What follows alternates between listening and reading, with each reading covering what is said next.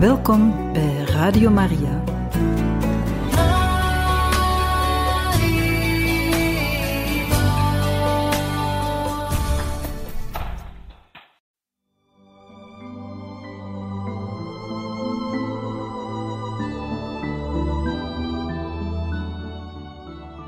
U luistert naar het vervolg van A Christmas Carol, geschreven door Charles Dickens en u verteld door Luc Klaes.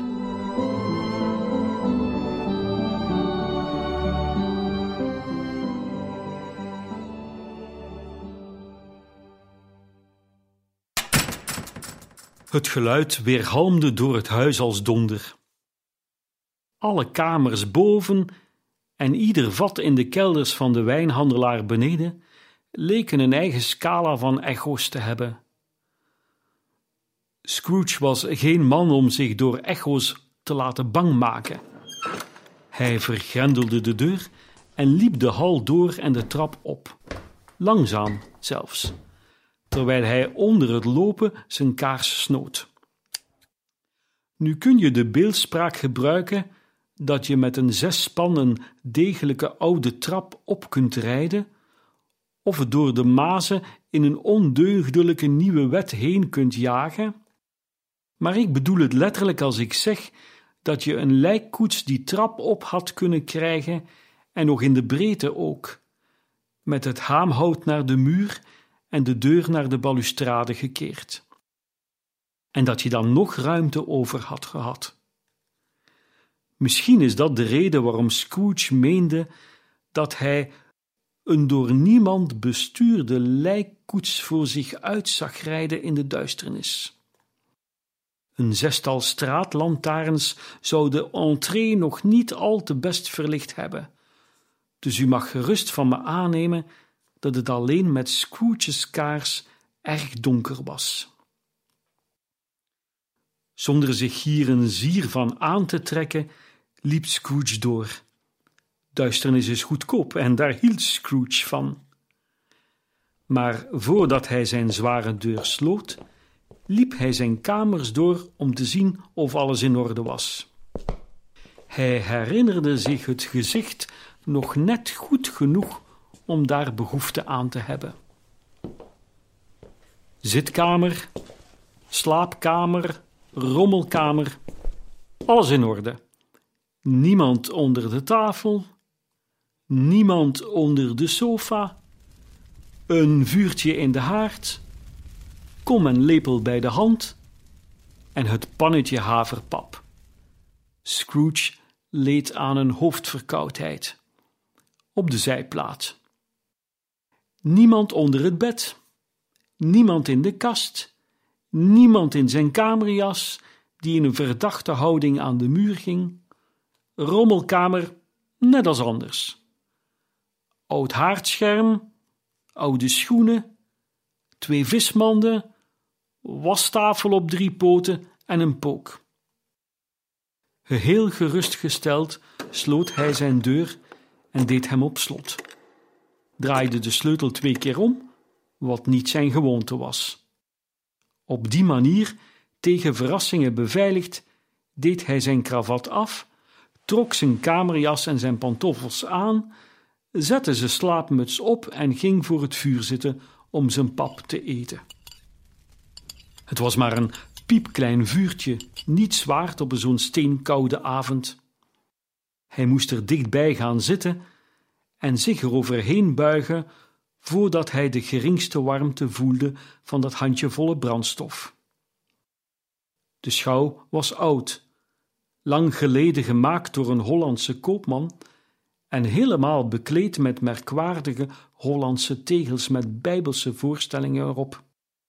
Er waren Kaïns en Abels, dochters van de farao, koninginnen van Shiba, engelachtige boodschappers die uit de hemel neerdaalden op wolken als veren dekbedden, Abrahams, Belsazars, apostelen die in sauskommen het zeegat uitvoeren, honderden figuren om aan te denken. En toch kwam dat gezicht van Marley, die alweer zeven jaar dood was, als de staf van de oude profeet tevoorschijn en verzwolg ze allemaal. Als al die gladde tegels eerst leeg waren geweest, met het vermogen een afbeelding op hun oppervlak samen te stellen uit de onsamenhangende flarden van zijn gedachten, zou op elk ervan een plaatje van het hoofd van de oude Marley hebben gestaan. Onzin, zei Scrooge en liep naar de andere kant van de kamer. Na een paar ommetjes ging hij weer zitten, terwijl hij zijn hoofd achterover gooide in de stoel bleef zijn blik bij toeval rusten op een bel. Een niet meer gebruikte bel die in de kamer hing en die om de een of andere inmiddels vergeten reden in verbinding stond met een vertrek op de bovenste verdieping van het huis. Met diepe verbazing en met een vreemde, onverklaarbare angst zag hij dat deze bel voor zijn ogen begon te bewegen. Eerst zwaaide hij zo zachtjes dat hij nauwelijks geluid maakte. Maar al gauw luidde hij hard, net als de andere bellen in huis. Dit duurde misschien een halve minuut of een minuut, maar het leek wel een uur. Het bellen hield op, zoals het was begonnen, overal tegelijk. Het werd gevolgd door gerammel, ver in de diepte, alsof iemand een zware keten over de vaten in de kelder van de wijnhandelaar sleepte. Toen herinnerde Scrooge zich dat hij wel eens had horen vertellen dat spoken in spookhuizen met ketenen sleepten.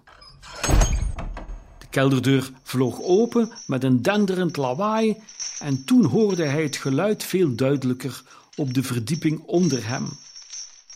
Toen kwam het de trap op, toen kwam het recht op zijn kamer af. Toch is het onzin, zei Scrooge. Ik geloof het gewoon niet maar hij verschoot van kleur toen het regelrecht door de zware deur heen kwam en voor zijn ogen de kamer binnentrad. Toen het binnenkwam, sprong de zwakke vlam op alsof hij uitriep: Ik ken hem, Marley's spook, en zakte weer in. Hetzelfde gezicht, precies hetzelfde. Marley met zijn pruikstaartje, zijn daagse vest broek en laarzen.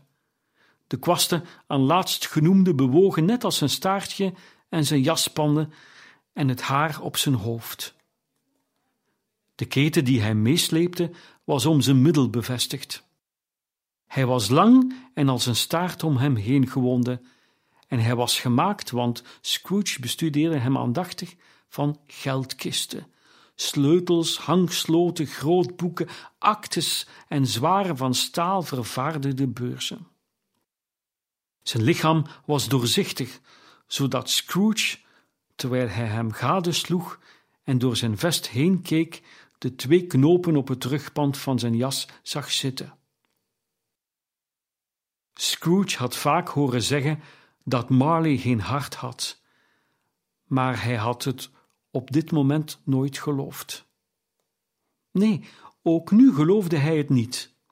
Hoewel hij door het spook heen keek en het tegenover zich zag staan, hoewel hij de angstaanjagende werking van zijn doodskoude ogen voelde en zelf het weefsel opmerkte van de doek die om zijn hoofd en zijn kin gevouwen was, een doek die hij eerst niet had gezien, toch was hij nog steeds vol ongeloof en verzette hij zich tegen zijn eigen waarnemingen. Wat geeft dit te betekenen? zei Scrooge, sarcastisch en koel als immer. Wat wilt u van mij? Veel. Marley's stem, geen twijfel aan. Wie bent u? Vraag liever wie ik was. Wie was u dan? zei Scrooge met stemverheffing. U bent wel pietluttig voor een geest. Hij had willen zeggen van geest, maar dit vond hij passender. Tijdens mijn leven was ik uw compagnon, Jacob Marley. Kunt u. kunt u zitten? vroeg Scrooge, terwijl hij hem onzeker aankeek. Jawel. Gaat u dan zitten. Scrooge stelde deze vraag omdat hij niet wist of een zo transparant spook in staat zou zijn op een stoel te zitten, en omdat hij dacht dat er, als dit onmogelijk bleek, misschien een genante verklaring vereist zou zijn. Maar het spook ging aan de andere kant van de haard zitten, alsof hij dat zo gewend was.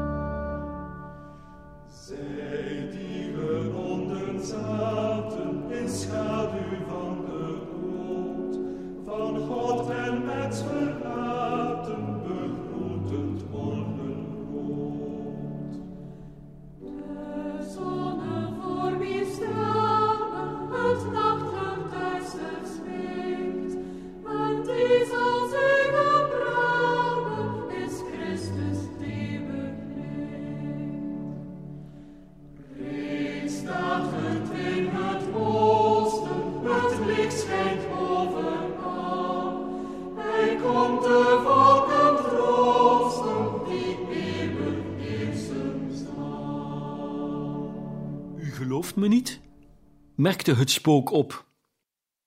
Nee, zei Scrooge. Wat voor bewijs wenst u van mijn echtheid, behalve dat van uw eigen zintuigen? Ik weet het niet, zei Scrooge. Waarom gelooft u uw zintuigen niet? Omdat die door een kleinigheid worden beïnvloed, zei Scrooge. Een lichte maagstoornis maakt er bedriegers van. Misschien bent u een onverteerd stukje vlees, een klodderd mosterd, een kruimel kaas, een brok ongare aardappel. Wat u ook bent, u komt eerder voort uit een sauskom dan uit een graf. Het was niet Scrooge's gewoonte om grappen te maken, en zijn hoofd stond op dat moment ook helemaal niet naar scherts. De waarheid is dat hij gevat probeerde te zijn om zijn eigen aandacht af te leiden en zijn doodsangst te bedwingen, want de stem van de spookverschijning stokte hem tot in het merg van zijn botten. Als hij ook maar één ogenblik zwijgend in die starre, glazige ogen zou staren, zou hij gek worden, dacht Scrooge. Er was ook iets zeer afgrijselijks aan het feit dat de verschijning zich in een eigen helse atmosfeer bevond. Scrooge kon die zelf niet voelen, maar het was kennelijk het geval, want hoewel de geest volstrekt stil zat, bewogen zijn haren en panden en kwasten nog steeds, alsof ze beroerd werden door de hete dampen van een oven. Ziet u deze tandenstoker? Zei Scrooge, terwijl hij snel weer in de aanval ging om de juist gegeven reden en omdat hij, al was het maar een seconde, de ijzige blik van de verschijning van zichzelf wilde afleiden. Jawel, antwoordde de geest. U kijkt er niet naar, zei Scrooge. Toch zie ik hem, zei de geest. Nou ja, zei Scrooge. Als ik dit geloof, zal ik de rest van mijn dagen worden achtervolgd door een leger kwelgeesten, allemaal zelf verzonnen. Onzin, zeg ik, onzin. Hierop slaakte de geest een angstaanjagende kreet en schudde met zo'n troosteloos en afschuwelijk geluid aan zijn keten, dat Scrooge zich stijf vasthield aan zijn stoel om te voorkomen dat hij zou flauw vallen. Maar hoeveel groter was zijn afgrijzen toen de spookverschijning het verband om zijn hoofd verwijderde, alsof het daar binnenshuis te warm voor was en zijn onderkaak op zijn borst zakte. Scrooge viel op zijn knieën en sloeg zijn handen ineen voor zijn gezicht. Genade, zei hij, afschuwelijke schim, waarom komt u me plagen? Aardse mens, antwoordde de geest, gelooft u in mij of niet? Ik geloof in u, zei Scrooge, ik zal wel moeten. Maar waarom dolen er geesten rond over de aarde? En waarom komen ze naar mij toe? Van ieder mens wordt verlangd, antwoordde het spook, dat zijn geest zich onder zijn medemensen begeeft en overal naartoe reist. En als die geest er niet in het leven op uittrekt, is hij gedoemd dat na zijn dood te doen. Hij is gedoemd om rond te dolen over de aarde, o wee mij, en getuige te zijn van gebeurtenissen waaraan hij geen deel kan hebben, maar waaraan hij op aarde deel had kunnen hebben, en die hij daar ten goede had kunnen keren. Weer slaakte het spook een kreet en schudde met zijn keten en wrong zijn schimmige handen. U bent geboeid, zei Scrooge bevend. Waarom is dat? Ik draag de keten die ik tijdens mijn leven heb gesmeed, antwoordde de geest. Schakel voor schakel en meter voor meter heb ik hem gemaakt. Ik heb hem uit vrije wil aangetrokken en uit vrije wil gedragen. Komt het dessin u niet bekend voor? Scrooge beefde steeds erger. Of wilt u weten, vervolgde de geest, hoe zwaar en hoe lang de sterke kabel is die u zelf meetorst? Die was zeven kerstavonden geleden al minstens zo zwaar en zo lang als deze. U hebt er sindsdien hard aan gewerkt. Het is een zware ketting. Scrooge bekeek de vloer om zich heen in de verwachting omringd te zijn door zo'n vijftig, zestig vaam ijzeren kabel, maar hij zag niets. Jacob, zei hij smekend, brave Jacob Marley, vertel me meer. Schenk me troost, Jacob. Die kan ik je niet schenken, antwoordde het spook. Die komt uit andere regionen Ebenezer Scrooge en wordt door andere boodschappers aan andere soorten mensen gegeven. Ik kan je ook niet alles vertellen wat ik zou willen. Ik mag nog maar heel weinig zeggen. Ik mag niet rusten, ik mag niet blijven, ik mag nergens talmen. Mijn geest is nooit buiten ons kantoor geweest, let op. Tijdens mijn leven is mijn geest nooit buiten de enge muren van ons wisselhol gekomen, en er liggen nog vermoeiende reizen voor me in het verschiet. Scrooge had de gewoonte om zijn handen in zijn broekzakken te steken wanneer hij ergens over wilde nadenken. Terwijl hij overdacht wat de geest gezegd had, deed hij dat ook, maar zonder op te kijken of overeind te komen. Je moet wel erg langzaam zijn geweest, Jacob, merkte Scrooge zakelijk op, zei het nederig en eerbiedig.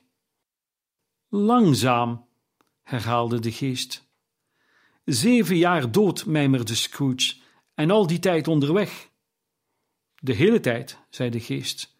Geen rust, geen vrede, onophoudelijk gekweld door berouw. Reis je snel? zei Scrooge.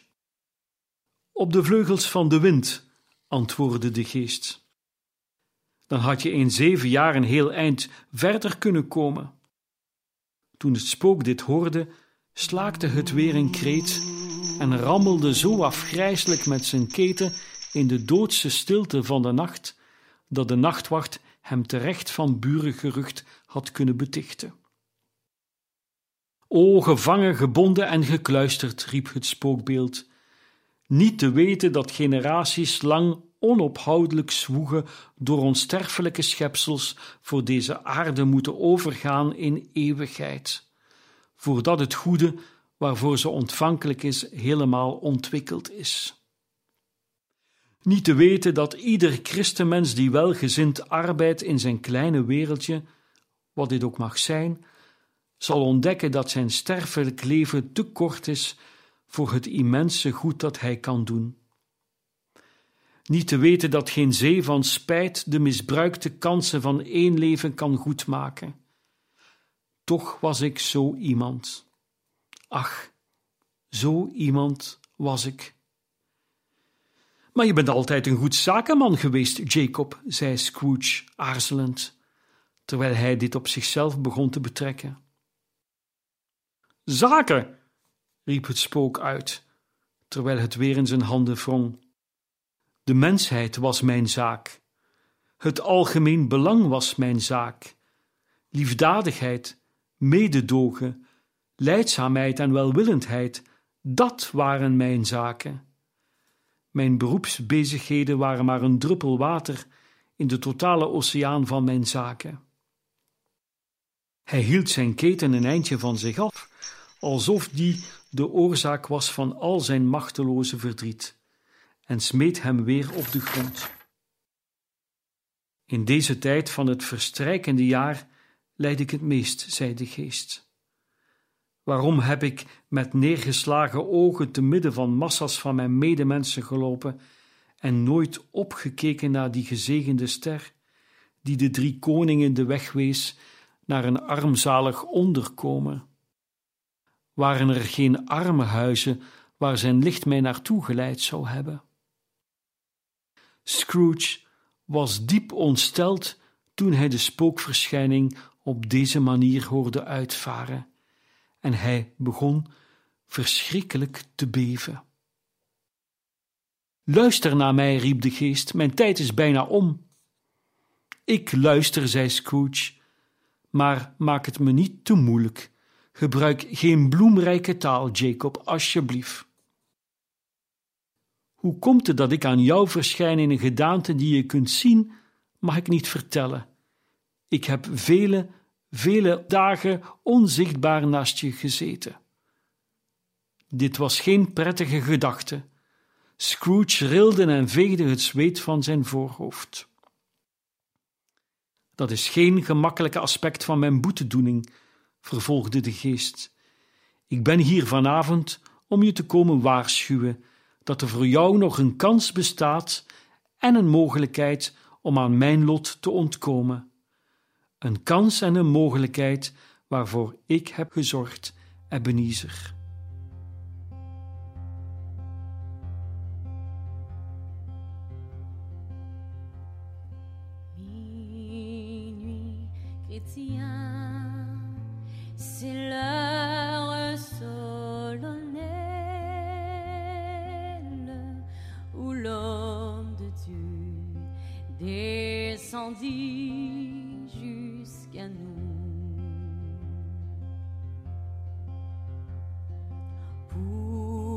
Pour effacer la tâche originelle et de son père arrêter le courroux? Le monde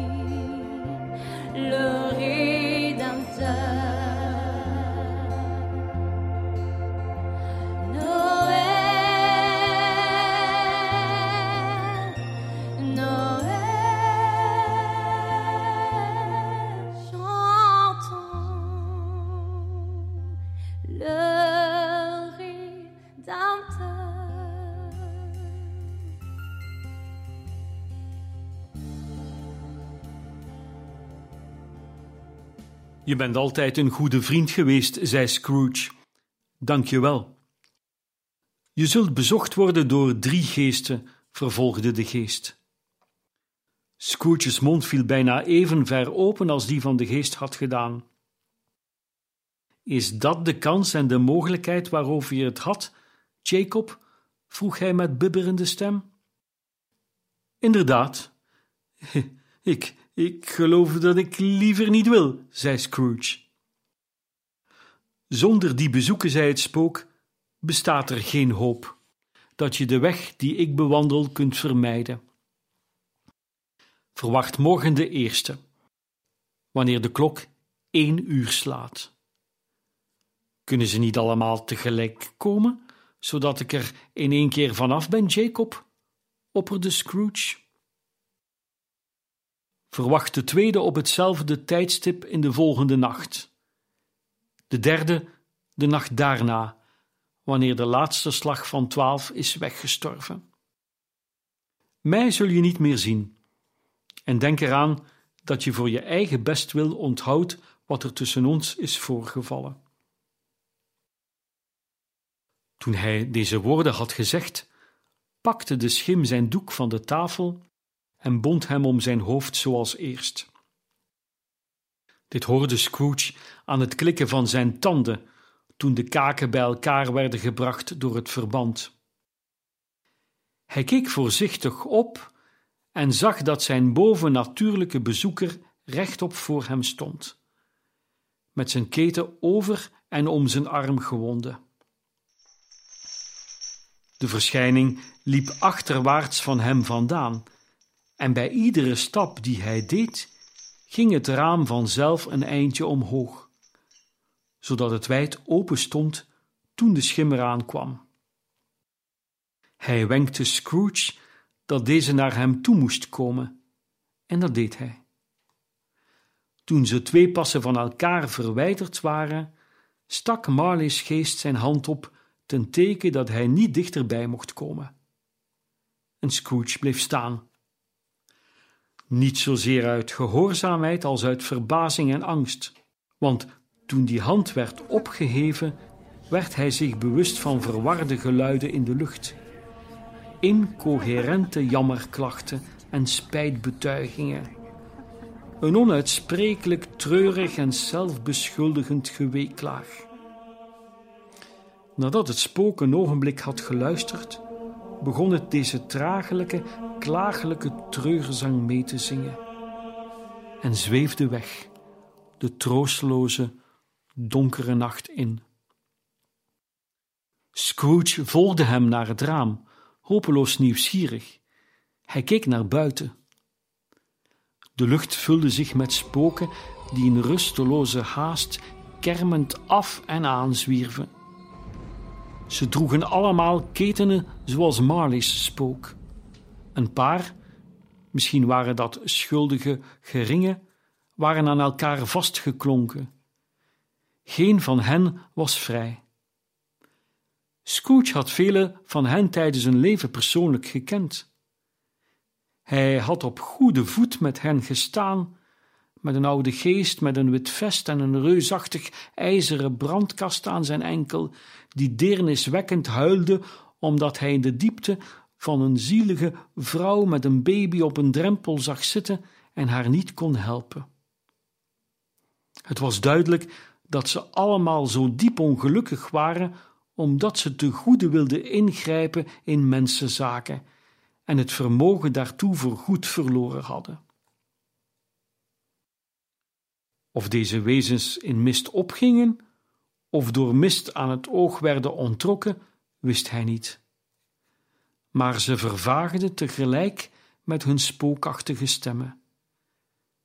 En de nacht werd weer zoals hij geweest was, toen hij naar huis wandelde.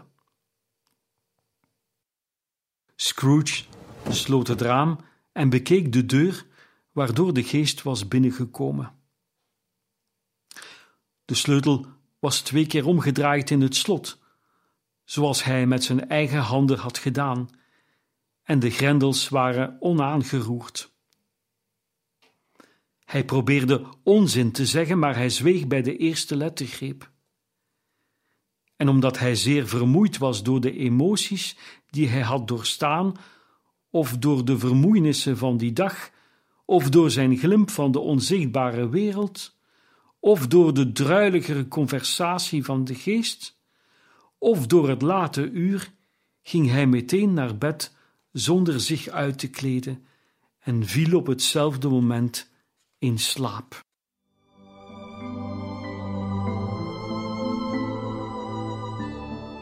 U luisterde naar Een Christmas Carol, geschreven door Charles Dickens en u gebracht door Luc Klaes.